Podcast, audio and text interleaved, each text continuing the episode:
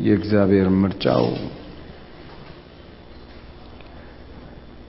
የሚገርም ተአምራት ብትሰራ ለእግዚአብሔር ተአምራት ነው ማለት አይደለም። ኦር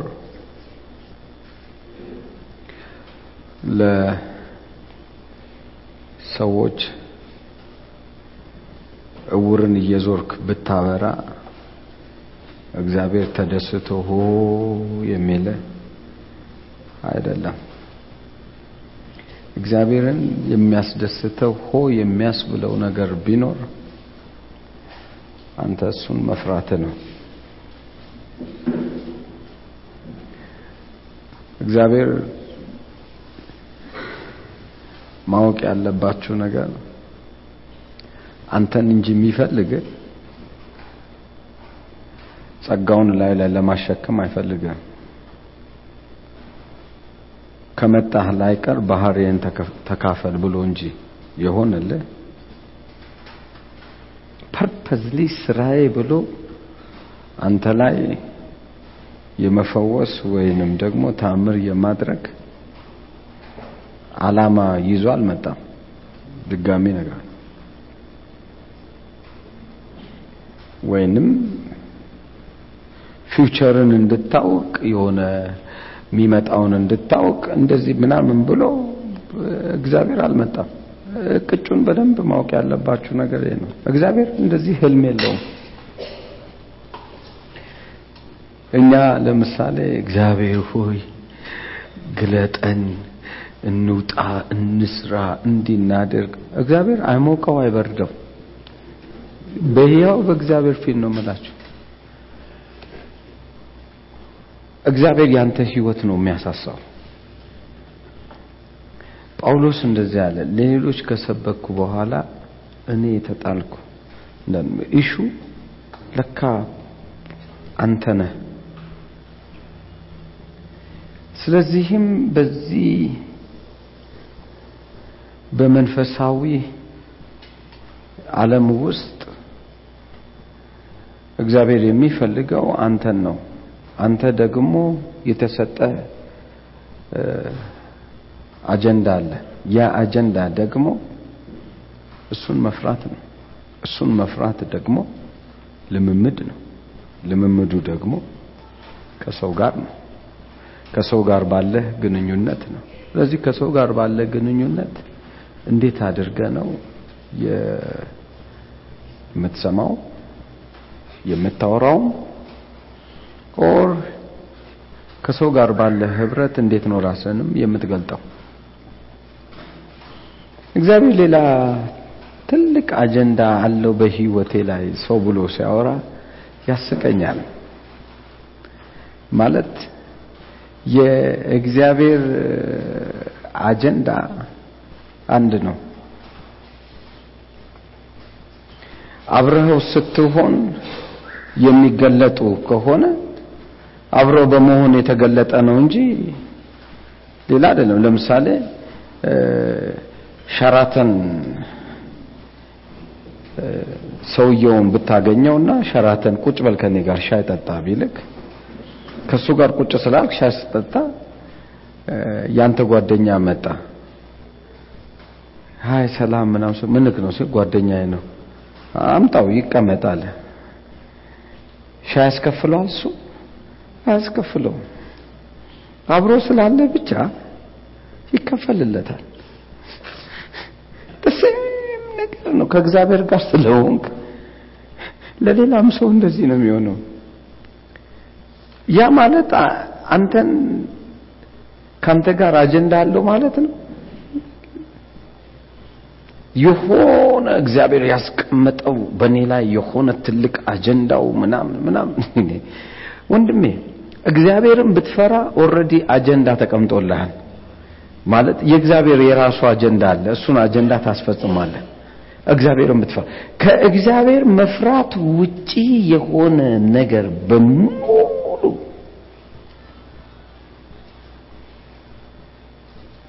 እግዚአብሔር አይደሰትበትም። ድጋሚ እነግርሃለሁ። ከእግዚአብሔር መፍራት ለምሳሌ እንዲህ ብሎ አስቀመጠ። በውስጡ አለ። ቂምና ክፋትን ይዞ አለ። ብላም ጠጣም ይልሃል አለ። በውስጡ ግን ምን ይዟል? ቂምና ክፋትን። አሁን ይሄ ቂምም ክፋትም በውስጡ አስቀምጦ ብላ ጠጣ ሲል እግዚአብሔር ከላይ ሲያይ ምን የሚያይ ይመስላችኋል? ዲዲዩሴ አይ ማብላት ነው ዋናው ማብላት ነው ምናምን ትለኝ ነው no ሰውየው ርቦትም ይብላ ግን የሚገርመው ነገር በውስጥ ግን በሰውየው ላይ ክፋት ከያዝክ እግዚአብሔር ደስተኛ ነው። እግዚአብሔር እንድታቀው ያስፈልጋል። right የሆነ ነገር ስለሰራክ ወይም ደግሞ በጎ ነው ብለህ የምታስበው ነገር ስለሰራ ትክክል ነህ ማለት አይደለም። heart ነው የሚመሰክረው። ይህ መጽሐፍ ቅዱሱ ያለው ነገር በጣም ከሚደንቀኝ ነገር ልባችሁ ባይፈርድባችሁ እኔም አልፈርድባችሁ። በቃ case ኡ ያለው ማለት የአንተ ውስጥ ባለ የልብ ህይወት ነው ማለት ነው። case ኡ ያለው እዛ ውስጥ ነው። እግዚአብሔርን መፍራት የሚባለው ነገር ከሰው ጋር ባለ ህብረት ከሆነ የክብሩ ቤት ለመሆን ከሆነ ትናንትና ስንማር ደግሞ የክብሩ ቤት ለመሆን ነው የእግዚአብሔር የክብሩ ቤት ለመሆን እግዚአብሔር choice ያደረገው አሁን ቤተ ክርስቲያን ህንፃውን አይደለም። ለምሳሌ ያው ተስፋ የታምራት አገልግሎት ስለተለጠፈ ሰው ሁሉ ምን ይላል? ይሄ church ነው church ነው። ሰው ነው እንጂ ያለው እውነተኛው ነገር church ኡ ቤቱ አይደለም። ቤቱ እኛ ልክ አሁን ከዚህ ቤት ብንለቅ church ሆኖ ይቀጥላል? አይቀጥልም። በቃ ምንድነው ሲባል ጋራጅ ነው። or something ገብቷቸዋል church ኡ አይደለም። church ኡ ያለው አንተ ነህ አንተ ስላለ ነው church ያለው። አሁን እግዚአብሔር ደግሞ ወደ personal አምጥቶት አንተ ቤተ ክርስቲያን ሆነ እንድትኖር ነው የእግዚአብሔር ህልሙ። ማለት የክብሩ መገለጫ እንድትሆን ነው። ከመጀመሪያው ቤት ሁለተኛው ቤት የተሻለ ነው ካለ እኮ ሁለተኛው ቤት አንተ ነህ። ሁለተኛው ቤት አንተ አሁን። የእግዚአብሔር ቤት የመንፈሱ ማደሪያ ነህ በመንፈሱ ማደሪያ ውስጥ ነው ያለው በዚህ በመንፈሱ ማደሪያ ውስጥ እየተንቀሳቀስክ ነው ያለው ያንን ህይወት እንድትገልጥለት ነው የሚፈልገው። ያንን ህይወት ታሳየው ዘንድ ነው። ሰዎች ወደ እግዚአብሔር ቤት መጥተው ምን ሊያጡ ይችላሉ? ምንም አያጡ። ማን ነው ታዲያ እግዚአብሔር ቤት? እኔ ጋር እኔ ራሴ የምሰጠው ነገር ከሌለኝ እንዴት ሆኜ ነው እግዚአብሔር ቤትስ መሆነው እግዚአብሔር የፈለገው የምሰጠውን ነገር እንዳወጣ ነው ለምሳሌ ወደ ጴጥሮስ ሲሄዱ እኮ ጴጥሮስ የሚሰጣቸው ነገር ስላለ ነው። ወደ ኢየሱስ ሲሄዱ እኮ ኢየሱስ የሚሰጣቸው ጳውሎስ ጋር ስትሄድ የሚሰጣቸው ነገር even እንኳን በርቀት ላሉት ጨርቅ ቆርጦ እንኳን የሚሰጣቸው ስለሆነ ነው። የሚሰጣቸው ነገር አለው። የእግዚአብሔር ቤት ነው። ከእግዚአብሔር ቤት የሚወጣ ነው የሚሆነው። አሁን እርግጠኛ ሁን። ለምሳሌ ከዚህ ህንፃ ውስጥ ጨርቅ ቆርጠን አውጥተን ወይም ደግሞ ዘይት አውጥተን ከምንሰጥ አንተ ጸልየ ብትሰጥ የተሻለ ነው። ከህንፃው ወጣ አልወጣ ምንም የሚያመጣው ነገር የለም። ዘይትነቱን ይቀጥላል። አንተ ግን ቃል አውጥተህ ሲሆን ዘይትነቱ ይጠፋል። supernatural ውስጥ ይገባል። እየሰማችሁ ነው? ወደ supernatural የሆነ system ውስጥ ይገባል። አንተ ስትባርከው ኢየሱስ ማርቆስ ስድስት ላይ ቁጥር 13 ስማ ዘይት እየቀቡ የሚጸልዩ ነበረ ስለሚል ዘይት ቀብተው normal ዘይት ከሆነ normal ዘይት ነው ብለን የምታስቀም normal ዘይት ካልሆነ ግን normal አይደለም። ስለዚህ ይፈውሷቸው ነበር ሲል ለፈውስ ተጠቅመውበታል ማለት ነው። ስለዚህ አሁን የእግዚአብሔር system ኡ ከእግዚአብሔር ቤት የሚወጣ ማናቸውም ነገሮች ምን አለው ማለት ነው? ኃይል አለው አቅም አለው። ልንገራችሁ የእግዚአብሔር ቤት glory እየመጣ ሲሄድ ማለት ክብር እየመጣ ሲሄድ በፊት ላይ እንኳን ውሸታ መቆም ምን አይልም? አይችልም። ተመልከተው። ትናንትና ሳይቻቸዋል። ጴጥሮስም ቁጭ ብሎ ስንት ነው የተሸጣችሁ አናንያ እና ሰፒራ የሚባሉ? ስንት ነው የሸጣችሁ ሲባል በዚህ ዋጋ ነው ሲሉ መንፈስ ቅዱስን ትዋሻላችሁ ሲል መንፈስም መታችሁ ይላል። ገደላቸው የሚቀጥለውን ስንመጣ እሱ አባልየውን ደገመው። እንዲሁም ደግሞ ስትመለከት ከጴጥሮስ ጋር ባለበት ጊዜ ጴጥሮስ በሚሄድበት ቦታ ላይ ሁሉ ጥላ ሁሉ ይፈውስ ነበር። የክብሩ ነው የእግዚአብሔር የክብር ነው ማለት የክብር ቤት ሆኗል። አሁን የክብር ቤት ሆኗል። መጽሐፍ ቅዱስ ትዝ የክብሬን ቤት ምን እላለሁ ነው ያለው አከብራለሁ ነው ያለው። ስለዚህ የኛ ክብር የሚሆነው እሱን ስናከብረው ነው። ስለዚህ እሱን ለማክበር ደግሞ ትናንትና ስናገር መፈራቴስ ወዴት አለ? መከበሬስ ወዴት አለ? ጌትነቴስ ወዴት አለ? መፈራቴ ወዴት አለ ብሎ እግዚአብሔር ሲጠይቀ በምንድን ነው የምትፈራው ሲባል በወንድምና በእህት ነው የምትፈራው። ይሄ ወንድምና እህት ጋር ባለ ነው ጉዳዩ ያለው እዛ ጋር ነው ብለናል። አጠንክሬ ማወራችሁ ህይወታችሁን የሰጣችሁ ሰዎች እባካችሁ ኑሯችሁ ያለው ባንደበታችሁ ላይ ነው። ህይወታችሁ ያለው ባንደበታችሁ ላይ ነው። አስተሳሰባችሁ ያለው ባንደበታችሁ ነው። all in all ያለው ባንደበታችሁ። ስለዚህ አንደበታችሁ ነው የሚናገረው። ምክንያቱም ሐሳባችሁን የሚገልጠው አንደበታችሁ ነው። እግዚአብሔር የክብሬ ቤት ነህ ሲል እኮ የክብሩ ቤት ሆነ የምትገለጠው በዚህ መልክ ነው። የምትናገረው ነገር ወደ ፍጻሜ ይመጣል። የምታወራው ነገር ስጋ አካል ለብሶ ታገኘዋል። ያንን ነው የእግዚአብሔር ህልም፣ ያ ነው የእግዚአብሔር መንገድ። ስለዚህ አሁን ወደዛ ወደ እግዚአብሔር አስተሳሰብ ስንመጣ ትልቁ ዓላማው ምንድን ነው? እንዲህ ይላል ሚኪያስ ምዕራፍ አራት ላይ ቁጥር ሁለት ላይ ነገር ግን ስሜን ለምትፈሩ ለእናንተ የጽድቅ ፀሐይ ምን ትላለች? ትወጣለች። ምንን ለምትፈሩ? ስሜን ምን ለምትሉ? ለምትፈሩ። አሁን እስቲ አሁን በደንብ ተመልከቱ። የእግዚአብሔርን ስም ስለ መፍራት ማለት እስቲ በዚህኛው ሳይድ ነው። ይሄ ልጅ ስታየው ምንድነው ሲባል ኦ ሳሚ ነው እንላለን። ግን የሚደንቀው ነገር ሳሚ አይደለም። ጌታን ከተቀበለ በኋላ ሳሚ መሆን አቁሟል። ስሙ በሱ ላይ ምን ብሏል? ተጠርቷል። ዲዲሲ ነው አሁን ስሙ ተጠር። ስለዚህ ስሜን የምትፈሩ ለሱ ብለህ አይደለም የምታደርገው። ለማን ብለህ ነው? ለስሙ ብለህ ነው። ስሜን ለምትፈሩ ለእናንተ የጽድቅ ፀሐይ ትወጣላችኋለች። ስሜን ለምትፈሩ ለካ ስም የተጠራበትን ሰው ነው የምትጎዳው። ስሙ የተጠራበትን ሰው ነው የምታግዘው። ስሙ የተጠራበትን ሰው ነው መልካም ነገር የምታደርገው። ስሙ የተጠራበትን ሰው ነው ለካ ክፉ ሆኖ አንተ ደግነት የምታደርገው። ስሙ ተጠርቶበታል። እግዚአብሔርን ፍለጋ የእግዚአብሔር ስሞች ስልሳ ሰባት የእግዚአብሔር ስሞች ሶስት መቶ ስልሳ አምስት የእግዚአብሔር ስሞች ሀያ አራት የእግዚአብሔር ስሞች።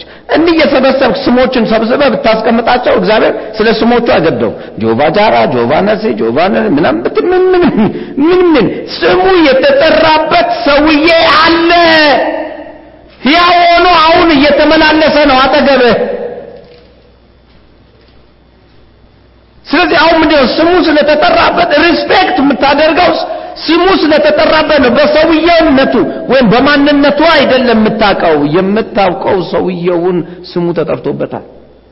ትዝ መጽሐፍ ቅዱስ ስሜን አውቋልና ምን እለዋለሁ እጋርደዋለሁ። ስሜን አውቋልና እጋርደዋለሁ። ማዳኔን ምን እለዋለሁ አሳየዋለሁ። ምን ስላወቀ ነው? ስሙን ስላወቀ። ሰውየው ላይ ምን ስላለ ነው? ስሙን ስለዚህ ስሜን ለምትፈሩት ሲል እግዚአብሔር እግዚአብሔር የሚባለውን ስም እፈራለሁ። እኔ እግዚአብሔር የሚባለውን ስም ሰማ እፈራለሁ። ምን እግዚአብሔር የሚባለው ስም ትፈራዋል? መፍራት የሚታየው በሰው ህይወት ውስጥ ነው። አለመጉዳት ነው። advantage አለመጠቀምህ ነው። በሰው ህይወት ላይ እርምጃ አለመረማመድ ነው። ስሙን ለምትፈሩ። ስለዚህ መጽሐፍ ቅዱስ ፈውስም በክንፎቿ ውስጥ ይሆናል። እናንተም ትወጣላችሁ እንደ ሰባ እንቦሳ ምን ትላላችሁ? ትፈነጫላችሁ። ስሙን ስታውቀው ከልቤ እነግርሃለሁ። የሚሆንልህ ነገሮች ብዙ ናቸው። ማንኛውም ነገር ለሰው ስታደርግ በዚህኛው side ውሰድ።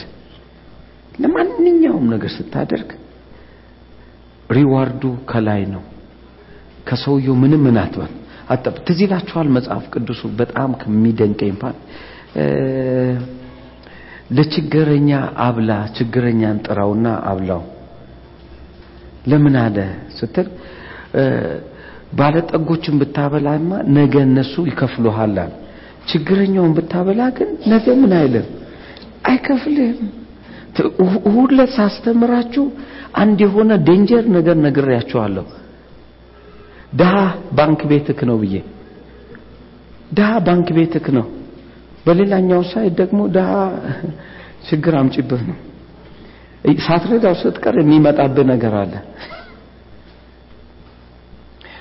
በሌላ አማርኛ የመንፈሱ ዓለም ይግባ። በዚህ በመንፈሱ ዓለም ውስጥ የሚናገረው አለው። ከባለጠግነትን ይመልስልኛል ብለክ ለባለጠጋ ሰው ወይንም ደግሞ መንገድ ይከፍትልኛል ብለክ ለባለጠጋ ሰው አታድርግ። ምን ይከፍትልኛል? መንገድ ይከፍትልኛል ብለህ አታድርግ። ምን ይላል? ሁለታችሁም ትወድቃለ። ሁለታችሁም ያንተ ሲያንስ ሰውየውንም ይዘህ ነው ስለዚህ ለባለጠጋ በር ይከፍትልኛል ብለህ አታድርግ። የሆነ ነገር ያደርግልኛል ብለህ አታድርግ። አብዛኛውን ጊዜ ደግሞ ሰው ስትመለከተው እንትና የሚባል ሰው በሱ በኩል እንሄዳለን፣ እስቲ እንስጠው፣ የሆነ ነገር እንስጠው አለው እኮ ሰውየው መልሰህ ትሰጠዋለህ። የሚደንቀው ድሃውን እግዚአብሔር ምን ይላል? ለድሃው ባለመስጠት እግዚአብሔር ይቆጣል ይላል። ስለዚህ ለካ ሲቆጣ ተቀባዩንም ሰጪውንም ማሱና ጨሉማ ጨሊ ከልቤ እኮ ነው የዚህ የመንፈሳዊ ዓለም ይግባ ስሙ የሚጠራበትን ሰው ስሙ የሚጠራበትን ሰው በተቻለ አቅም በሰላም ኑር። ጌታ ምስክሬ ነው። ጌታ ምስክሬ ነው። በሰላም ኑር። አንዳንድ ጊዜ እንትና አፋቸው ጭንቁር የሆኑ ሰዎች አሉ። እዚህም ቸርችም አሉ። አፋቸው ጭንቁር የሆነ እሳት የሆነ የሚባላ ከልቤ እነግራለሁ። እነሱን እንኳን ይኸው ሳገኛቸው ብታዩ አዳኝ ከልቤ ነው። ጭንቁር ናቸው፣ ግን ምንም ምርጫ የለም። እየሰማኝ ምርጫ የለም። እነሱ ላይ የእግዚአብሔር ስም ተጠርቷል አልተጠራም? ተጠርቷል። እነሱ ላይ ተጠርቷል። በቃ ከተጠራ ምንም ላደርግ ምን አይደለም አልችልም። ደግሞ ምን እኔ ከእሷ ጋር ስጣላ ምጣላው ኬት ነው ከላይ ለምን የላይኛውን አጀንዳ እዘጋለሁ በዚች በጭንቁር በሆነች ሴትዮ ከልብ እኮ ነው እንዴ life life ስንት ነገር ከልብ እኮ ነው የምላችሁ ህይወት እንደዚህ ነው ከልቤ ነግራችኋለሁ። ህይወት እንደዚህ የሆነ ሰው የሆነ ሰው መንገድ ላይ አገኘሁትና ማይሆን ነገር ዝም ብሎ አወራ። እንደዛ አየሁትና ስመለከተው ጭንቁር ነው። በቃ ገባኝ። ስለዚህ ይሄ ሰውዬ ጌታን ያውቃል። አዎ ያውቃል። እንደውም position ምናምን አለው። ስለዚህ ያለኝ chance ምንድነው? ይሄ ለጥፋት የመጣ የእሱ ጎማን አተንፍሶ የኔን ጎማ ሊያተነፍስ ገብታችሁ አንዳንዱ ሰው ጎማህን ጎማ አተንፋሽ ነው። የእሱ ጎማ ምን ብሏል? ምን ተንፍሷ መሽከርከር አቆሟል። ስለዚህ የሚያልፉትን በሙሉ ጨንቆሬ እያተነፈሰ መደርደር ነው እና ፋይናል ለምን ብዬ ልደርደር? እሱ እንደ ቆሞ እኮ ልቆም ነው። ገብቷቸዋል። እውነተኛውን ለማወራ የዚህ የመንፈሳዊ ነገር ይግባክ፣ ከልቤ እነግርሃለሁ፣ ይግባክ፣ ይግባክ። በቃ ህይወት ያለው አንተ እጅ ነው፣ ማንም ሰው እጅ ላይ የለም። የክብር ቤት ሆነን ለምን አናልፍም? የክብር ቤት የመሆኛው መንገድ መፍራት ብቻ ከሆነ ሌላ ምን ምርጫ የለም። በጣም ትዝ የሚላችሁ እንደሆነ ይሄ ግዑዝ የሆነው ማለት የሰለሞን ቤተ መቅደስ ሲሰራ ምን ወረደ ይላል? መንፈስም ወረደ። ሰው ሁሉ እግዚአብሔርን ምን አደረገው ይላል? ፈራው። አይገርማችሁም? ሰው ሁሉ ምን አደረገ? መልካምም አደረጉ ይላል። ከስር ስታነብ ሰዎቹም ሁሉ ምን አደረጉ? መልካም። ለካ መፍራታቸው በምንድን ነው የሚገለጠው? በመልካም። በመልካም። መንገዱን ተመልከት። ሌላ መንገድ ከሌለ ወይ የምትወጣበት ሌላ መንገድ ከሌለ ለምን አንፈራውም? መፍራት ደግሞ ከሰው ጋር ከተያዘ የተያያዘው ነገር ደግሞ okay የክብር ቤት ከሆንክ ለምን ከብረን አንሄድም? መጽሐፍ ቅዱሳችን ቆላሲያስ ምዕራፍ አንድ እናውጣ። ቆላሲያስ ምዕራፍ አንድ ቁጥር 26 እና 27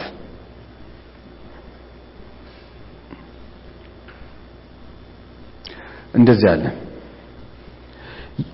ይህን ቃል ከዘላለምና ከትውልዶች ጀምሮ ተሰውሮ የነበረ ሚስጥር ነው። ይህን ጥቅስ ብዙ ጊዜ ነው ምልላችሁ ለምንድን ነው ውስጣችሁ የሆነ ነገር እንዲገባ ፈልጋለሁ ይሄ ጥቅስ ካልገባ ቫልዩ የለህም ለክርስትና። ድጋሚ ላለሁ ቫልዩ የለህም ለክርስትና። ከአሕዛብ ጋር ልዩነት የለህም። ከአሕዛብ ጋር ልዩነት ያመጣው የዚህ የህይወት መስመር ነው። ያለውን ተመልከቱ ይህም ቃል ከዘመናት ከዘላለምና ከትውልዶች ጀምሮ ተሰውሮ የነበረ ሚስጥር ነው። አሁን ግን ለቅዱሳኑ ምን ብሏል? ተገልጧል። አሁን ተገልጧል። ሌላ መገለጥ አይደለም። already ተገልጧል። ቀጥሎ ያለው ለእነርሱም እግዚአብሔር በአሕዛብ ዘንድ ያለው የዚህ ምን ሚስጥር ምን? ክብር። ለካ የክብር ህይወት ክርስትና ማለት የምን ህይወት ነው? የክብር ህይወት ነው higher life ይለዋል። ስለዚህ የክብር ህይወት ይህ ምስጢር ክብር ባለጠግነት ምን እንደሆነ ሊያስታውቀን ምን አረገ ወደደ። ምስጢሩም የክብር አሁንም ተመልከቱ። የክብር ምን? ተስፋ ያለው ማን? ክርስቶስ በማን ውስጥ? በእናንተ ውስጥ። የክብር ተስፋ የሆነው ክርስቶስ ተመልከቱ። የክብር ተስፋ ያለው ማን? ክርስቶስ። እሱ ምንድነው ማለት ነው? ክብር የክብር ተስፋ ያለው ክርስቶስ በእናንተ ውስጥ መኖር ነው። okay ወይስ የእሱ ክብር የታለሻ አሁን። በእኛ ውስጥ ነው የምንፈልገው። የእሱ ክብር የታል በምን መንገድ ነው የሚታየው የእሱ ክብር በእኛ ውስጥ።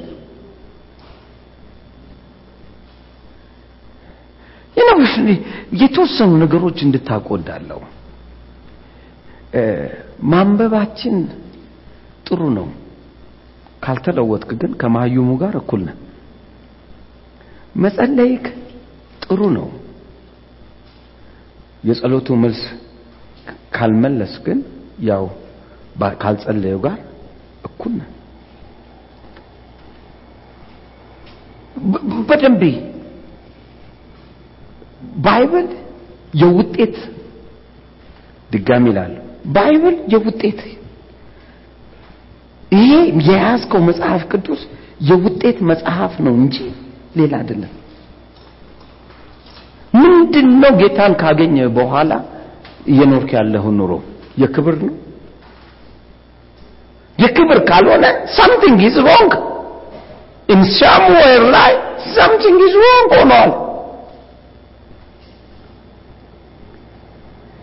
ያው ድሮም ትበላለህ አሁንም ትበላለህ። ድሮም ትጠጣለህ አሁንም ትጠጣለህ። ድሮም የብሎ ቀኬ ይዛል አሁንም ቀኬ ይዛል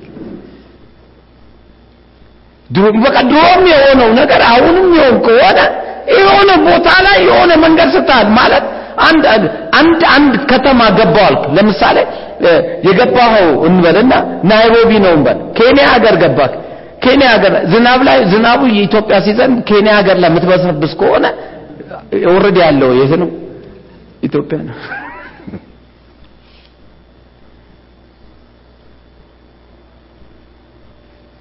የሆነ ለውጥ መምጣት የሆነ የክብር ህይወት መጀመር አለበት።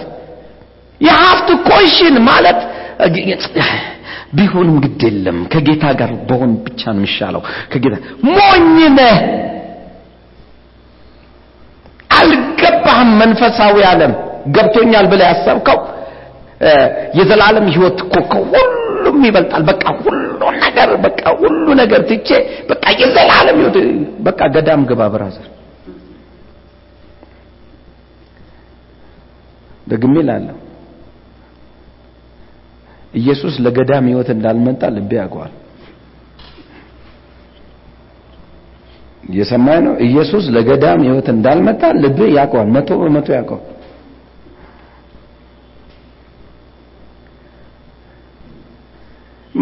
እንዴ አራት ዓመት ሄድክ፣ አምስት ዓመት ሄድክ፣ ስድስት ዓመት ሄድክ፣ ለውጥ ከሌለ እንዴ ቆም በልና እንዴ ጎበዝ፣ እንዴ የሆነ ሮቦት አይደለህም ተሞልተህ እንደምትሄድ አይነት ሰው አይደለም። ቆም በልና ምን ጋር ነው የኔ mistake በል። ምንድን ነው ማሻሻል ያለብኝ? ምንድን ነው መለወጥ ያለብኝ? ምንድን ነው ለውጬ መጓዝ ያለብኝ? እንደዛ ማላምን ከሆነ እንዴት ነው ኑሮ የሚለወጠው? እንዴት ነው እስቲ think አድርገው ህይወት የሚለወጠው አስተሳሰብ የሚቀየረው እንዴት ነው? የምትጀምረው life ይኑርክ።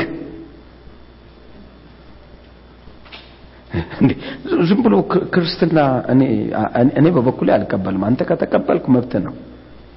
ዝም ብሎ ክርስትና በቃ ምንድን ሲባል ጌታን አውቃለሁ በቃ እየኖርኩ ነው።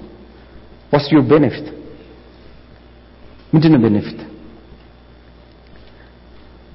know በአእምሯቸው ልኬት ነው ጌታን የሚቀበሉት ነጮቹ። በጣም የሚያስደስተኝ እዚህ ጋር ነው።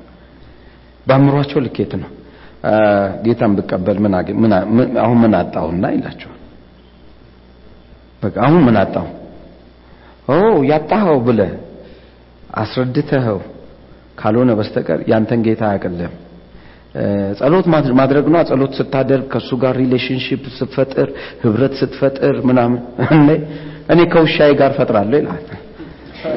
ከልቤ እኮ ነው ማውራ ከውሻዬ ጋር ውሻዬ ጋር በደንብ እንትን ስለዚህ ውሻ ምን ይጠቅማል ስለ ውሻ ቤተሰብ እግዚአብሔርም ቤተሰብ ምናምን ብለህ ስለምታወራ እግዚአብሔር ቤተሰብ ነው፣ ውሻዬም ቤተሰቤ ነው።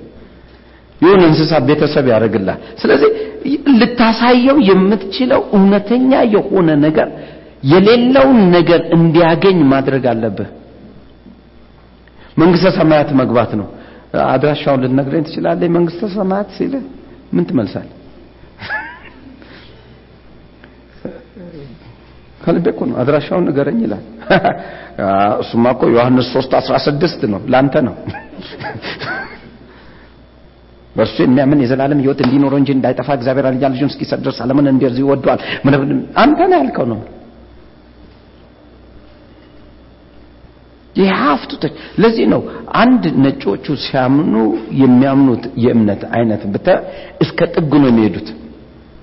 all the way ነው የሚሄዱት። ጥቁርስ ሁይ emotional ስለሆነ emotional መሆኑ የምታውቀው ሙዚቃ መክፈት ብቻ ነው። ዱዱም ዱዱም ዱዱም ሙዚቃ ይጀምራል። በቀደም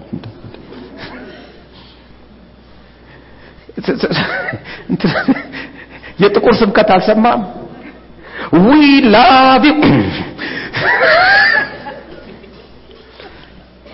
ምንም ነገር እኮ የለም ማለት ይሁን እንኳን substance የሆነ ንግግር እንኳን አያወሩም። substance ያለው ነገርን እንኳን አያስተምሩ። still ዊዛስ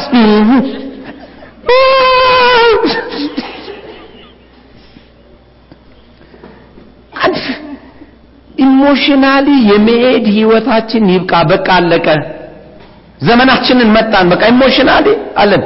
ረበልብልብ ተንቀጠቀጠን፣ ተደፋን፣ ተነሳን። ያኛው ሰውዬ ወጣ። አሁንም ያው ሰውዬ ሄደ። እንደገናም ደግሞ እንትን አደረግን። ማድረግ አለብን ብለን የምናስበውን ነገር መንፈሳዊ ነው ብለን ያሰብነውን ጨንቧ ጨንቧ ጨንቧ ጨንቧ አደረገን። በሙሉ ሰራ ነው ለውጥ እንደሆነ ምንም የዛሬ አስር ዓመት የነበረው ማንነታችን ዛሬም ቁልብጭ ብሎ ቁጭ ብሏል። የዛሬ አስር ዓመት የምንጸልይበት አጀንዳ ዛሬም ቁጭ ብሏል። የዛሬ አስር ዓመት የሆነው የማንነት system እስቲ ቁጭ ታዲያ ምን አይነት ክርስትና ነው? የክብር ቤት ነህ ካለ ይህ የክብር ህይወት ካለ እየጨመረ የሚሄድ የክብር ህይወት አለ።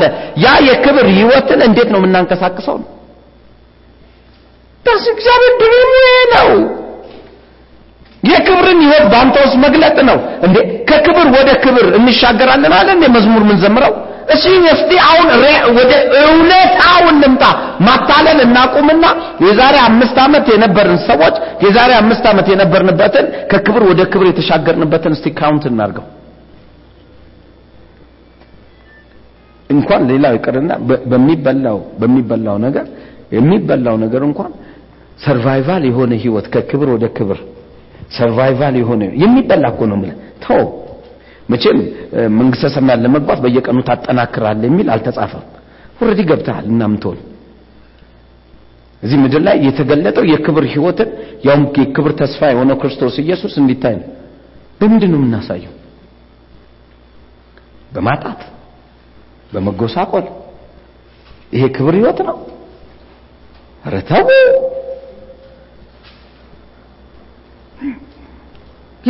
ነገር እንቀይር በጌታ የሆነ የምናምነውን አስተያየት እንቀይር ማታ ላይ ለዩኒቨርሲቲ ተማሪዎችና ለእንትኖች ከዲግሪ በላይ ላሉት ሳስተምር አንድ የነገርኳቸው። ስሙን ስለማናቀው ስሙ በራሱ ህይወት ላይ በእኛ ህይወት ተገልጦ የሚታይ ነው እንጂ ስሙ ከዚህ በኋላ ከሰማይ እየወረደ ላንተ የሚሰራ አይደለም ብዙዎቻችን የምናደርገው ጌታ ቢያደርገው ትላዙ ምን ይስጥ ጌታ? ለምሳሌ አይጥ ቤት ውስጥ ሲሮጥ ካየ የአይጥ መርዝ ሰጠክ። ፋብሪካው የአይጥ መርዝ ቢጥልልኝ ትላለ already የአይጥ መርዝ እጅ ላይ ተሰጥቷል። እና ቁጥ ስታወራ ምንድን ነው አንድ ቀን ይመጣል ፋብሪካው። እኛ ቤት ላይ የአይጥ መርዝ ይጥላል የአይጥ መርዙን ፋብሪካው የሚያመርተውን አምጥቶ ምን አደረገ? ሰጠ እጅ ላይ። በተን በተን ማድረግ የራስህ ድርሻ አሁን አንተም ትላ ፋብሪካው ቢመጣ የፋብሪካው ቀን ይመጣል ይመጣል። የፋብሪካው የኢየሱስ ስም ልክ እንደዚሁ ነው በህይወት እግዚአብሔር ከሰማይ በታች በምድርም በሰማይም ወደ ሲኦልም ከየትኛውም ይሁን ከምድርም በታች የሚሆን የሰጠክ ምኑ ነው በዚህ ስም የፈለግከውን በለው ምን ይላል? ይሰራል ብሎ ሰጠ። ከዚ በኋላ ጌታ ሆይ ስለ ስም ስራ። እግዚአብሔር አዩ ክሬዚ ሰራለሁ ያልኩ። እኔ ሰራለሁ አልኩ። አላልኩ።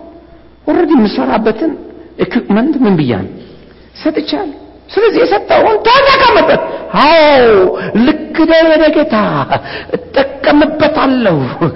ነገር ግን ኃይል እስከሚመጣ እንጠብቃለን። ሐዋርያቶችም ይጠብቁ ነበር መጣላቸው አልመጣላል መጥቶላቸዋል ከዛ ሁለተኛ ጊዜ መጣት ሰምታል በቃ ስለዚህ ምን? ምን እየሰራ ነው የሆነ ቦታ ላይ በቃ እቃ እቃ በጥሩ አባባል አለ። ሰውየው ውሃ እየቀዳ በወንፊት ነው የሚሞላው። በምንድን ነው የሚሞላው? በወንፊት። ወንፊት አስቀምጦ እየሞላ ነው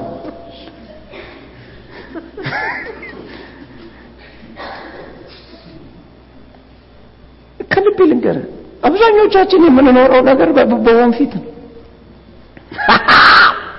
ይዛሃል ወንፊት ስለያዝ ባልዲ ይመስላል ግን ወንፊት ነው።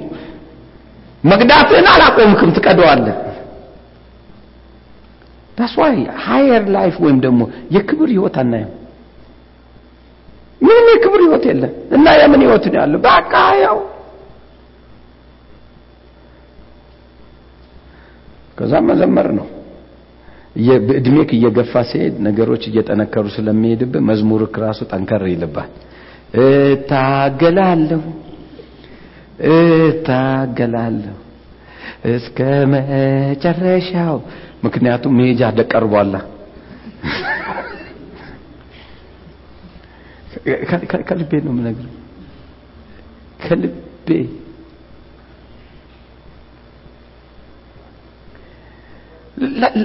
ላይፍህ ውስጥ ለምን ስለ ክብር አታስብም? ምንድን ነው የሚጎዳ? የክብሩ መንገድ ደግሞ ሲያስቀምጠው አክብሮ የሞተለት ህዝብ አለ። የክብሩ መንገድ እነሱን ብታከብራቸው አንተን ምን ይላል? even እንኳን ሰው እንኳን ማለት ለራስ ስትል አክብር አይደለም የሚሉት ሰው ሰው እንኳ ብታከብረው ምን ይላል? ያከብራል። it's principle ነው። ለራስ አሁን መንፈሳዊነትን እንኳን አውጣው። just just እግዚአብሔርን መፍራት ሰውን ማክበር ከሆነ እግዚአብሔርን መፍራት ለበደለ ሰው በጎ መሆን ከሆነ እግዚአብሔርን መፍራት መልካምነትን እንትን ምንድን ነው unconditional በሆነ መልክ ከሆነ ማድረግ በቃ ብዙ ቀመር የሌለው ነገር ለምን አንሰራም ሲያሙ አለማማት ነው። ተንኮል ሲያስቡ ለቀ መሄድ ነው።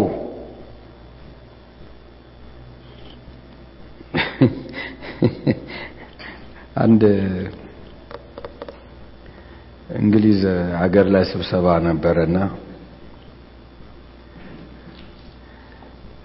ስብሰባው የዛ ጊዜ minute ኡን ምናምን የሚይዘው እኔ ነኝ ጸሐፊውና ትንሽ ቆየት ብዬ ነው የመጣሁት። አንድ አስር ደቂቃ late ሆኜ ነበረና I'm sorry late ሆኜ ነው ምናምን ብያቸው ቁጭ ብዬ ዛሬ አጀንዳው እንትና እንትና የሚባለው ሰውዬን ልንናገረው ነው እና እንደዚህ ብለን እንደዚህ ብለን እንደዚህ ሲሉ ቺናትና ታየኝ። ዞር ብዬ ሳያቸው ሁሉም ጎማ የተነፈሰ። I know life አቸው ይመሰክርልኛል እነዚህ ሰዎች የእንትን እንትኖችም ናቸው መሪዎችም ናቸው። ግን ሁሉም ጎማቸው የተነፈሰ እና ስልኬን ringtone ላይ ጠቅ አረኩት። ከዛ በኋላ አጠፋሁት። ድጋሚ ጠቅ ጮኸ። አጠፋሁት ወንቢ እነሱ ያወራሉ። ሶስተኛ ጊዜ ጠቅ አረኩት ሲጮ አንድ አፍታ ብዬ በዛው ሽንት ቤት ብዬ ቀደድኩት። ለማ ብዬ አይኑ ስብሰባ ነው ስብሰባ ነው። ነገር ግን እኔ ማን ነኝ ሰንበዲ የሰው ቸርች ላይ ሄጄ በሰው ቸርች ላይ እንዲህ አርጋል እንዲህ ፈጥራል እንደዚህ ገብታል እንደዚህ አርጋል ብዬ በሰው ቸርች ፓስተር ላይ አፌን ምከፍተው። የኔ ቤት ነው እንዴ? የኔ ቤትም ከሆነ እኮ እኔ ቤት ውስጥ ነው የምጨቃጨቀው። የቤቴ ነው። የሰው ቤት? የሰው አብጅ መሆን አለበት ከዛ ዳኒ የት ነው ያለው? በአስቸኳይ ተጠርቼ እግዚአብሔር ታውቃለህ ኃጢአቱን?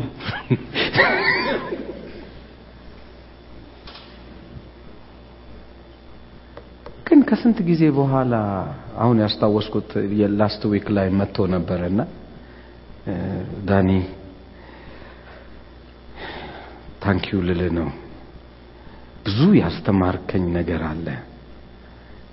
ምን እኔ ደግሞ የሆነ ተንኮል አስቡ ምክንያቱም ሰውየው ሲፈጠርም ራሱ ተንኮለኛ ስለ ምን ተንኮል አስቦ ነው ምናምን ብዬ ደምራለሁ ቆሜ። አይ ዳንዬ አንተ እኮ ያስተማርከን ምናምን ብሎ ይሄን ታሪክ አጫጮከ ስትሄድ እኔ እኮ እንደዚህ ብዬ አይክ ነበር።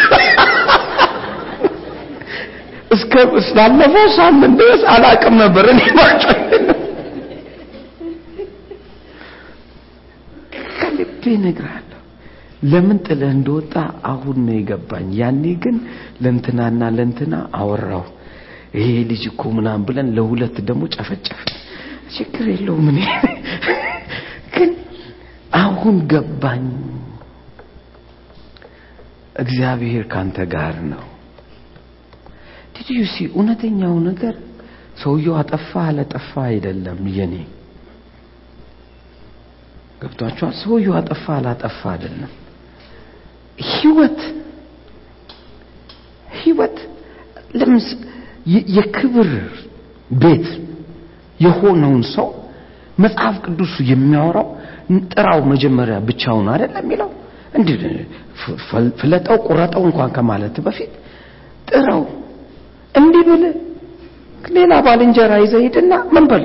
አውራው እምቢ ብል የቤተ ክርስቲያን ዲያቆናት ወይ ሽማግሌዎችን ይዛችሁ ሂድና ምን በል? አውራው። እምቢ ቢል ለእግዚአብሔር ምን በለው? ቶ ይሄን ሰውዬ ሄደናል ይሄንን አልሄድንም። እና ታዲያ እኔ ማን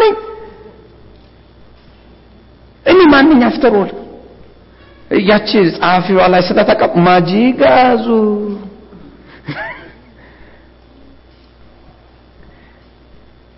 በህይወት አንዱ ነገር ተረዳ አንድ አንድ እውነተኛ የሆነ በህይወት ተረዳ። ማንኛውም ነገር ሰራ የክብር ቤት የሆነ ሰውን ነው የምትነካው። የጌታን ስም ካወቀ የክብሩ ቤት ነው። የጌታን ስም ካወቀ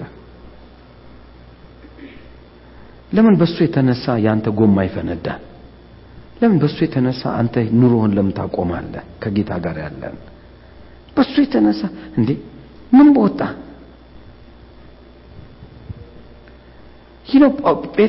ለጴጥሮስ ካልጠቀመ ለአንተ እንዴት ይጠቅማል ለጴጥሮስ እኮ ምዕራፍ ሰባትን ተመልክተሃል? ሐዋርያ ስራ ላይፋቸውን ተመልከቱ ጴጥሮስ እየሰራ የነበረው እየሄደ የነበረው የእግዚአብሔር ክብር ከሱ ጋር የነበረው ነገር ምዕራፍ ሰባት ላይ ያ ምዕራፍ ሰባት ላይ ሲናገር የተናገራቸው ንግግሮችም ስትሰማ ስለ ክብር ነው የሚያወራው። ስለ ክብር። አብርሃም ጋር እግዚአብሔር በክብር ነበር በሙሉ ሲደረድረው የክብር ህይወትን ነው የደረደረው። እግዚአብሔር ከሰዎች ጋር በክብር መገናኘት ነው የሚፈልገው። በወረደ ነገር መገናኘት አይፈልግም። ሰውን ያከብራል እግዚአብሔር። እዚህ ጋር ስትመለከት ጴጥሮስ ተመልከቱ ከምዕራፍ አንድ እስከ ምዕራፍ ስድስት ድረስ እስከምትመጣ ጴጥሮስ ላይ የእግዚአብሔር ነገርን ታይበታለ ከምዕራፍ ስድስት ጀምረ ግን ጴጥሮስ ላይ የምታየው ነገር ይገርመሃል ምክንያቱም አስተሳሰቡ social life ሆነ social ጋር መስማማት ሆነ ከ social ጋር ሆነ ማለት የእግዚአብሔር ህዝብን እንኳን እስከ መግፋት ይደርሳል። የእግዚአብሔር ህዝብን ማለት ፈሪሳዊን ሳይ እንደ ፈሪሳዊ እንትንን ሳይ ደግሞ አህዛብን ሳይ እንደ አህዛብ ይሆናል ገብቷቸው የአህዛብ ጌታን የሚያውቁ የሚያውቁትን እንዲሁም ፈሪሳዊ ጌታን የሚያውቁትን። ስለዚህ አይሁዳዊ የሆኑትን ሲያገኝ እንደ አይሁዳዊ ሆኖ ያወራል ይጫወታል ህጉ ላይ ምናም ይላል። እንደገና ደግሞ ወደዚህ ደግሞ ወደ አህዛብ ሲመለከት ደግሞ አህዛብን ጌታን የተቀበሉትን በጸጋ ያወራል። ስለዚህ ይህ ሰውዬ ብዙ መንፈሳዊ ነገር መግለጽ ሲያውቀው አንድ ነገር ሆነ። እግዚአብሔር ልለውጠው method ኡን አለ። method ኡን ቀየረ የለወጠው method በጣም አስገራሚ ነው። መንፈስ ቅዱስ የተሞሉ ሰባት ሰዎች ይመረጡልኛል። ሰባት ሰዎች ተመረጡ። እነኚህ ሰዎች መንፈስ ቅዱስ ብቻ በልሳሚና ነገር ግን እግዚአብሔርንም የሚፈሩ ነበሩ ይላል። ስለዚህ እነኚህ ሰዎች ሰውን ያከብሮ ነበረ። ስለዚህ እነዚህ ሰዎች እህልን የሚበላ የሚጠጣውን የግሪክ ሰዎች ሚስቶቻችንን ተውብን ምናም ብለው complain ስላደረጉ አሁን ሁሉንም የሚያስተዳድር ነገር በሰባቱ ሰዎች ሰባቱንም ስትመለከት ወዲያውኑ መንፈስ ቅዱስ ዩዝ ያደርግ ጀመር። እስጢፋኖስ ከዛ ነው የወጣው ፊልጶስ ከዛ ነው የወጣው። እነኚህ ሰዎች የምታያቸው ሀያላን ወጡ የሚደንቀው ነገር ሐዋርያቶችን ያልሰሩትን ስራ በዛን ጊዜ ጳውሎስ ከመምጣቱ በፊት ያልሰሩት መስራት ጀመር አንድ ቦታ አንብበሃል? ሐዋርያቶች በገቡበት ከተማ ላይ? ከተማ ውስጥ ያለውን በሽተኞች ሁሉ ፈወሱ የሚል? አታነብም። እነኚህ ግን ከሰባቱ ስትመለከት ግን ስጢፋኖስም ፊልጶስም ወደ እንትን ወረደ። በከተማ ውስጥ ያለውን በሽተኛን ሁሉ ምን አረገ? ፈወሰ እንደውም አንዥዋል ነገር ተመለከትን። ምን እንደሆን ታውቃላችሁ? ካደረገውም ታምራትና ምልክት ተመልከቱ። ሲጀምር ራሱ በምንድን ነው የሚጀምረው? በታምራት። ሰው አመና አላመና ያቅም በታምራት ያደርገውና ምልክቱን ሲያው ክርስቶስንም ሰበካቸው። አያችሁ፣ የቀደመው ምን ነበረ? ታምራት። ሐዋርያቶቹ ድሮ ክርስቶስን ይሰብካሉ። ከዛ በኋላ ምን ነበር የሚቀጥለው? ታምራት። እሱ ግን ምን አደረገው? vice versa። ሰዎቹ ዋው ሲሉ ይህንን የሰራ እኮ የሰቀላችሁት ክርስቶስ ነው። did you see እስጢፋኖስ ያው አንዳንዴ መገለጥ ይዞክ ስለሚሄድ ነው እንጂ መሞት ያልነበረበት ሰው ነው። አሁን ለትምህርታችን ስለሆነ የተጻፈው ለትምህርታችን ነው። ምክንያቱም መሞት አልነበረበትም። ጳውሎስ ሶስት ጊዜ ሶስት ጊዜ በድንጋይ ወግረውት በህይወት ተመልሷል። ሶስት ጊዜ ደሴም ወገራ ነው የት ያለው እስጢፋኖስ ጋር እስጢፋኖስን እየወገሩት እያለ ወዲያው ምን አለ? አየዋለሁ በአብ ቀኝ ቆሞ ምን እፈልጋለሁ ወደዛ መሄድ ነው። ከዛስ ወደዛ ሄዳለሁ። መብት ነው። ይህ ሰውዬ ሳይጨርስ ምን አለ? ሄደ። አይ ዳንዬ፣ እግዚአብሔር እኮ የዛች ጊዜ ወስኗት ነው። no no no no አላምንም። ለምን እንደሆነ ታውቃለህ? ይህ ሰው ገና የጀመረው አገልግሎት ነው። ገና እኮ እየጀመረ ያለ አገልግሎት። እንዴት ነው እየጀመርክ የምትቆመው? ህሊናክ positive የሚያስብ ከሆነ እንደዛ ነው። ግን አይ በቃ እግዚአብሔር የወደደው ነው የሚያደርገው፣ በቃ ስለዚህ ገደለው ልትለኝ ነው። ያው ሰባኪው ደግሞ አንድ ሰባኪ ኢትዮጵያ ውስጥ ደግሞ ያለ ሰባኪ የሰበከው አለ። እግዚአብሔር አንዳንዴ ቆሞ ያስደበድበሃል ብሎ በጌታ ፊት እና የስብከቱ እኮ ትልቁ አርስቱ ነው። እግዚአብሔር ቆሞ ምን ይላል? ያስደበድባል የሚል እግዚአብሔር ያሳየ። ይሄ ያው መገለጥ ሳይሆን ምንድን ነው? መገልበጥ ነው።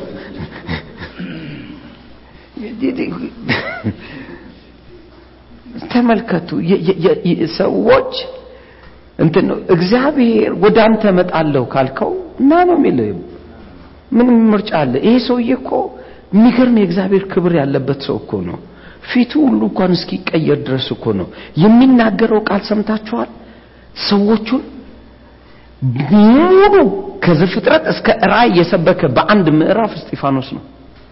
ከዘፍጥረት እስከ ራእይ አንብበው ሙሉን ስታነብ ከዘፍጥረት እስከ ራእይ አንድ ሰው በአንድ ምዕራፍ ጨረሰው እና ነገራቸው።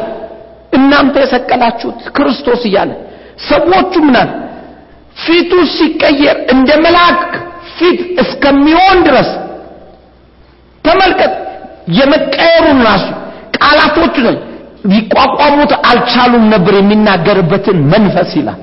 ይህ ታሪኩን ስትመለከት ይህ ሰው ምን አይነት አንደበቱ የሚሰራ ኃይል እንዳለው ይሄ ሰውዬ ደግሞ መሄድ ፈልጋለሁ አለ። ለምን አይሳፈር? ቃሉ እኮ ነው። ቃሉ ነው። እንኳን እሱ አይደለም ነገሪያቸው የለ? እዚህ ወደዛ አካባቢ ላይ አንድ ቸርች በሙሉ ሞቶ አንድ ወንጌላዊ ሞተ ሄደና መቃብሩ ላይ ቆሞ ሲጸልይ ጥራኝ እመጣለሁ እሄዳለሁ አለ። ሶስት ቀን ውስጥ ጠንባ። ከዛ ሌላኛውም ሰማ። የሚቀጥለው እሱም እሱም እንትን ለቅሶ ላይ ስበክ ሲባል እሱም መጣለን። ወንድም እንትና ሄደብናል። አዎ ወደ አባታችን ሄድከው ወንድም ገሌ ሄደብናል። ወደ አባታችን ሄደ እኔም ሄዳለሁ ሄድ። ከከልቤ እኮ ነው። አራተኛው ስበክ ተብሎ ተሰጠው። የዚህኛው ላይ ደግሞ እዚህኛው ላይ ሰጥ እኔም ሄዳለሁ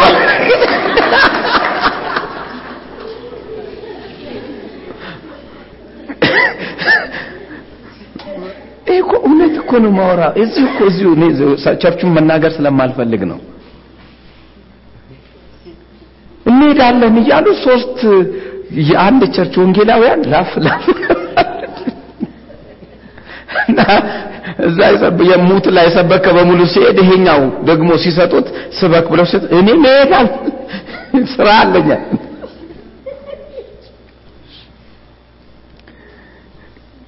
ከልብ ልንገራችሁ የዚህ የእግዚአብሔር ክብር የእግዚአብሔር ክብር ለአንተ የቀረበልክ ከወንድም ጋር ባለ ግንኙነት ከሆነ ስራውን የሚሰራው የእግዚአብሔር ክብር ከሆነ አድራጎቱን የሚያደርገው የእግዚአብሔር ክብር ከሆነ አንተ የምትፈልገው የእግዚአብሔር ክብር ከሆነ ብዙ ሌላ መታገል አያስፈልግም።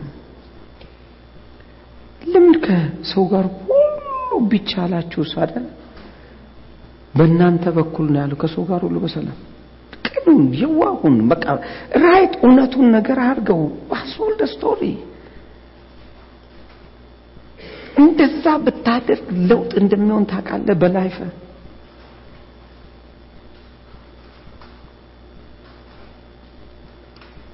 ሰዎች ጋር ባለ ግንኙነት ላይ ለውጥ። okay ሞክረው life ክ?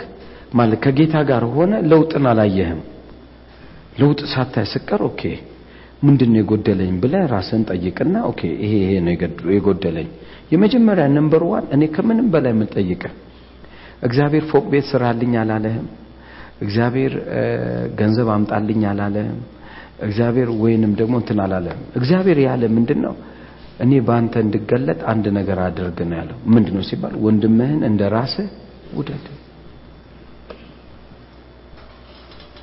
ሂድና እውር አብራልኝ ሽባ ትርትርልኝ ትልልቅ ስቴዲየሞች ላይ ፕሮግራም አርግልኝ አላለህም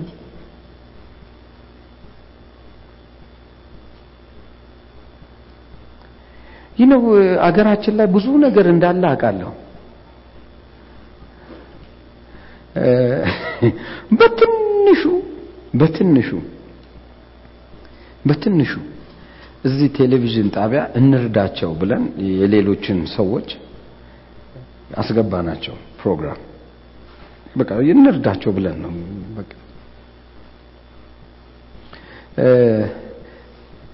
ያስከፈልናቸውን በጣም ጥቂት ነው እና ሆን ብለን ነው ይህን ያደረግነው እኔ ልርዳቸው በሚል ነው።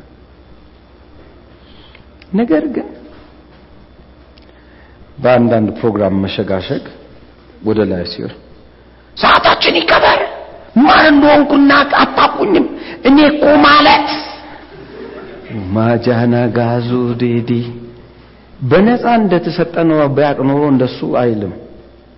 በነፃ ነው። ያው ከልብ እኮ ነው። በነፃ ብንለው ይቀላል እኔ በነፃ ከሆነ እንትን ያደርጉታል አቢዩዝ ያደርጉታል ብዬ ነው። ግን ምን ማለት እንደሆነን ግራ ገባኝ። ልጆቹን እዚህ ያለ ኧረ ተሸጋሽቆ ነው። እዚህ ላይ እንትን ፕሮግራም ስለጀመርን ያችኛዋ ፕሮግራም የጸሎቱ ፕሮግራም live እንዲተላለፍ ብለን ነው ደግሞ ያኔ መጀመሪያ apostle ሲሰጣችሁ እንደዚህ እንደዚህ ብሎ ነግሯቸዋል። ለእኛ ነግሮን እኛ ነግረናቸዋል አይደል? አዎ። ነገር እኛ ማን እንደሆነ ቢያቅ ጌታ እኮ ለዚህ አገልግሎት በዚህ ምድር ላይ ማንም የተሾመ የለም። ከጌታ ጋር የሚጀምር ሹመት እንጂ ለብቻ ብትወጣ ሌጣ ሌጢ ነህ ይገባሃል። በቃ ምንም ረግማለሁ አጠፋለሁ እንትን እንደዚህ ያረጋለሁ በዚህ አስገብቻ ቆርጣለሁ ምናምን ብሎ ያወራሉ። ልጆቹን ያስፈራራሉ። ልጆቹ መጥተው ልንናገር ነው እኛ ሲሉ ተው ተው አትናገሯቸው። አሁንስ ምን አረኳቸው ሁሉንም ጠቅለል አርጌ ማሰላማ ምክንያቱም እነኚህ ሰዎች ምን የሚንቀሳቀሱ አይደለም። እኛ እኮ ለኢቢኤስ የምንከፍለው እኮ አሁንማ ብሩም አደገ በአንድ ፕሮግራም አራት መቶ ዶላር ነው። ሰላሳ ደቂቃ አራት መቶ ዶላር። ወደ ሰላሳ ስምንት ሺህ ወደ አርባ ሺህ ይጠጋል የምንከፍለው በአሁኑ ሂሳብ። አርባ ሺህ ለአንድ ፕሮግራም የምንከፍለው እነሱን እኮ ወር አስጠቅመን እኮ አልናገረውም። እንዲያረገ እንዳለባት። አማጂኒ ዚዚዚ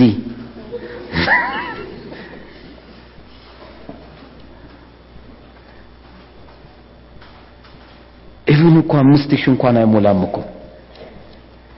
think አድርገው። የሰው አእምሮ ግን ምን እንደሚያስብ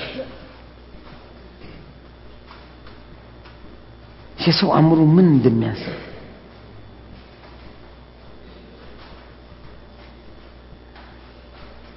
እኛ ለአንድ ፕሮግራም ነው አርባ ሺህ ብር የምንከፍለው። እነሱ ለወር ሙሉ ነው። did see now ምን ማለት እንደሆነ ይግባ ሲስተማቸው አገልጋይ ነን ብለው ስለሚያስቡ የሚናገሩትን ቃል ስማ። የሚናገሩትን እንዲህ ነው የሚሆነው እንዲህ ነው ከልቤ ነግርሃለሁ የክብር ህይወት አታይባቸውም በሚሆነው ዘመን። የጥቂት ሰው ዘመን ይሆናሉ። የክብር ህይወት የምትፈልግ ከሆነ ወንድምህን ነው መልካም የምታደርገው። እየሰማችሁ ነው ወንድምህን ነው መልካም የምታደርገው? ባይዘወይ እኔም ተናግረውኝ አያውቁም። እኔ ጋር ምንም ግንኙነት የለንምና ከልጆቹ ጋር ነው። ግን የምነግራችሁ ነገር ስም የተጠራበትን ለምን ምእመን አይደለም? ዛሬ ጌታን ሰውየው አይቀበልም። You have አንደበትህን መሰብሰብ ነው። ማንም የበለጠ አካል የለም። በሌላ አማርኛ ላሳያችሁ እኔ እስቲ አሁን አሁን ተነስቼ አይን ልሁን። አንደኛችሁ ደግሞ አንጀቱ ነው አንደኛችሁ ደግሞ አፍንጫው አንደኛችሁ ደግሞ ጥርሱ ነው ብቻዬን አይን ነው ዋናው። አዳሜ በጨለማ ነው የምትኖሪው። አይን ነው ምናምን ውጭልኝ ቢሉ ምንድን ነው መሆነው ብይ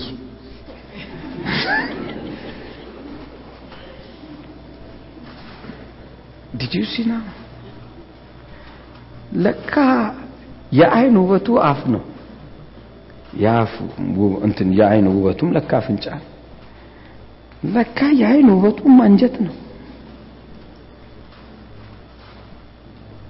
ለካ እነሱ ጋር ከሌለ አንተም የለም። that's why respect ይህ ነው ትምህርት ቤት ውጭ ሀገር ህፃናቶቹን በጣም አጠንክረው የሚያስተምሯቸው አራት አመት ሲሞላቸው respect ነው። በጣም ከሚገርማችሁ በላይ እንግሊዝ ሀገር እኔ ከሚደንቀኝ ሱፓር አመት ሙሉ ስለ respect ነው የሚያስተምሯቸው። አመት ሙሉ በዛኛውም respect ነው በዚህኛውም respect ከዛ እቤት መጥቶ ያ ስል mommy respect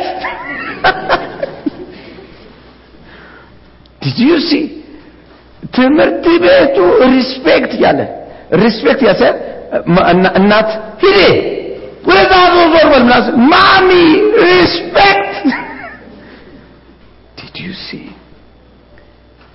ለሰው ልጅ ትልቁ ምንድን ነው respect you have to respect በጌታ ላለ ሰው ከልቤ ነግርሃለሁ ህይወትን የሚያጠፋ ክሱ ስለሆነ ነው።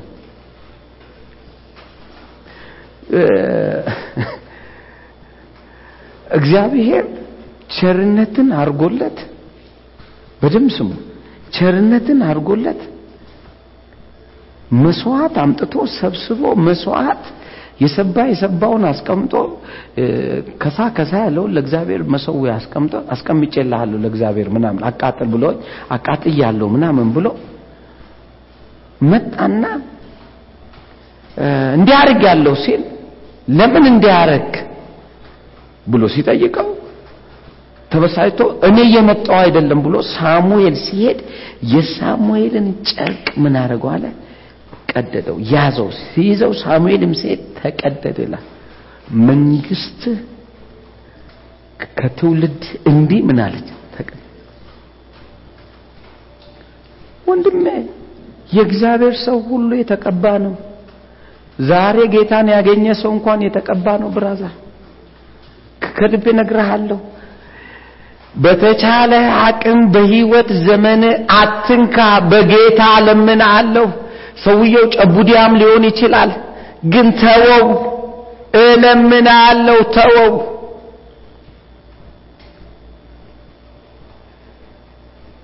እግዚአብሔር ስለ መሰዊያው አይደለም መንግስቱን የወሰደው። ልጅ እግዚአብሔር ስለ መሰዊያው አይደለም መንግስቱን የነቢዩን ጨርቅ ምን አድርገው አለ? ቀደደው።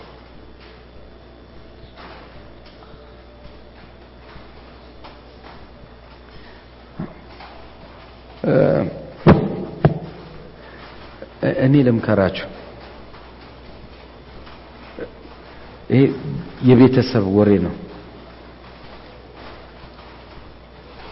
እዚህ ምድር ላይ አሁን ይሄ ከእግዚአብሔር ነው ከእግዚአብሔር አይደለም። ይሄ ከጨቡዴ ነው ይሄ ካየለ ነው። ይሄ ሰውዬ እንደዚህ ነው ያ ሰውዬ እንደዚህ ነው። እንትና እንደዚህ አለ። ሻላቤጊው ተዋቸው። መጓዝ የምንፈልግ ሰዎች እዚህ ቤት ውስጥ አገልግሎት ህይወቴ ነው ብላችሁ በተለይ ለምታምኑ ሰዎች ማንም right ይሁን ማንም wrong ይሁን it's not your business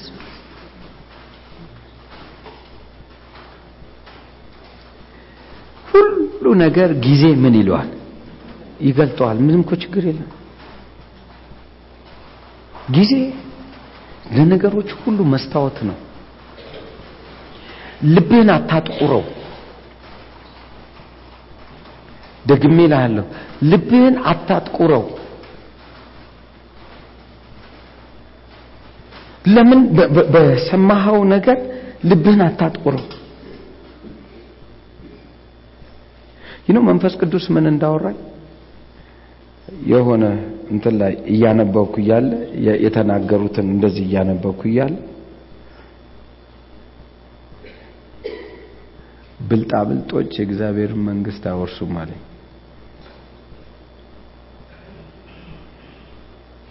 ደንቆኝ ብልጣብልጦች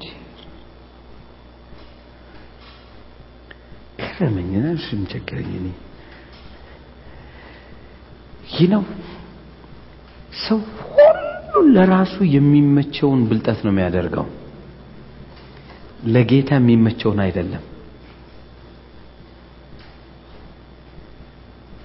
እግዚአብሔር የሚያየው ምን መሰላችሁ? ውጤትን የመጨረሻውን ውጤት ቀን ነው።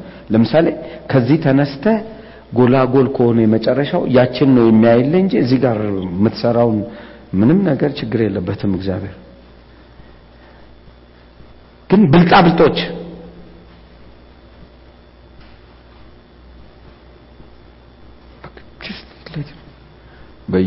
ስም ጌታ እኔ ብልጥ የሆንኩ ቀን አሳፍረኝ ያው ታቀኛለህ ቶሎ። ምን ችግር አለ? ብትሳፈር ላኛው እኮ ሰላም ነው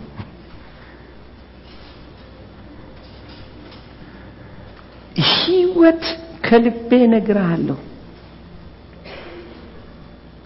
አንተ እጅ ላይ እንጂ ሰው እጅ ላይ የለም። በረከትም አንተ እጅ ላይ ነው። ክብርም አንተ እጅ ላይ ነው። መነሳትም መውደቅም ማን እጅ ላይ ነው? አንተው እጅ ላይ ነው። ነገርም መዝጋትም መክፈትም አንተ እጅ ላይ ነው። የተሻለውንም መሆንም አለመሆንም ማን እጅ ላይ ነው? አንተ እጅ ላይ ነው የራሳቸውን ይፈልጋሉ ነው ያለኝ። ሁሉም ስለዚህ ሁሉም የራሱ የሚፈልግ ከሆነ አንተ ለምን ከራሱ ጋር ለምን ትጣላለህ? አንተ ከራስ ከእግዚአብሔር ጋር ሁን። ይዶን ሀፍቱ ይሄኛውም ይምጣ ያኛውም ይምጣ የሌላኛውም ይምጣ። እዳስም አተርፎዩ ከሁሉም ጋር በሰላም ኑር ነው የተባልከው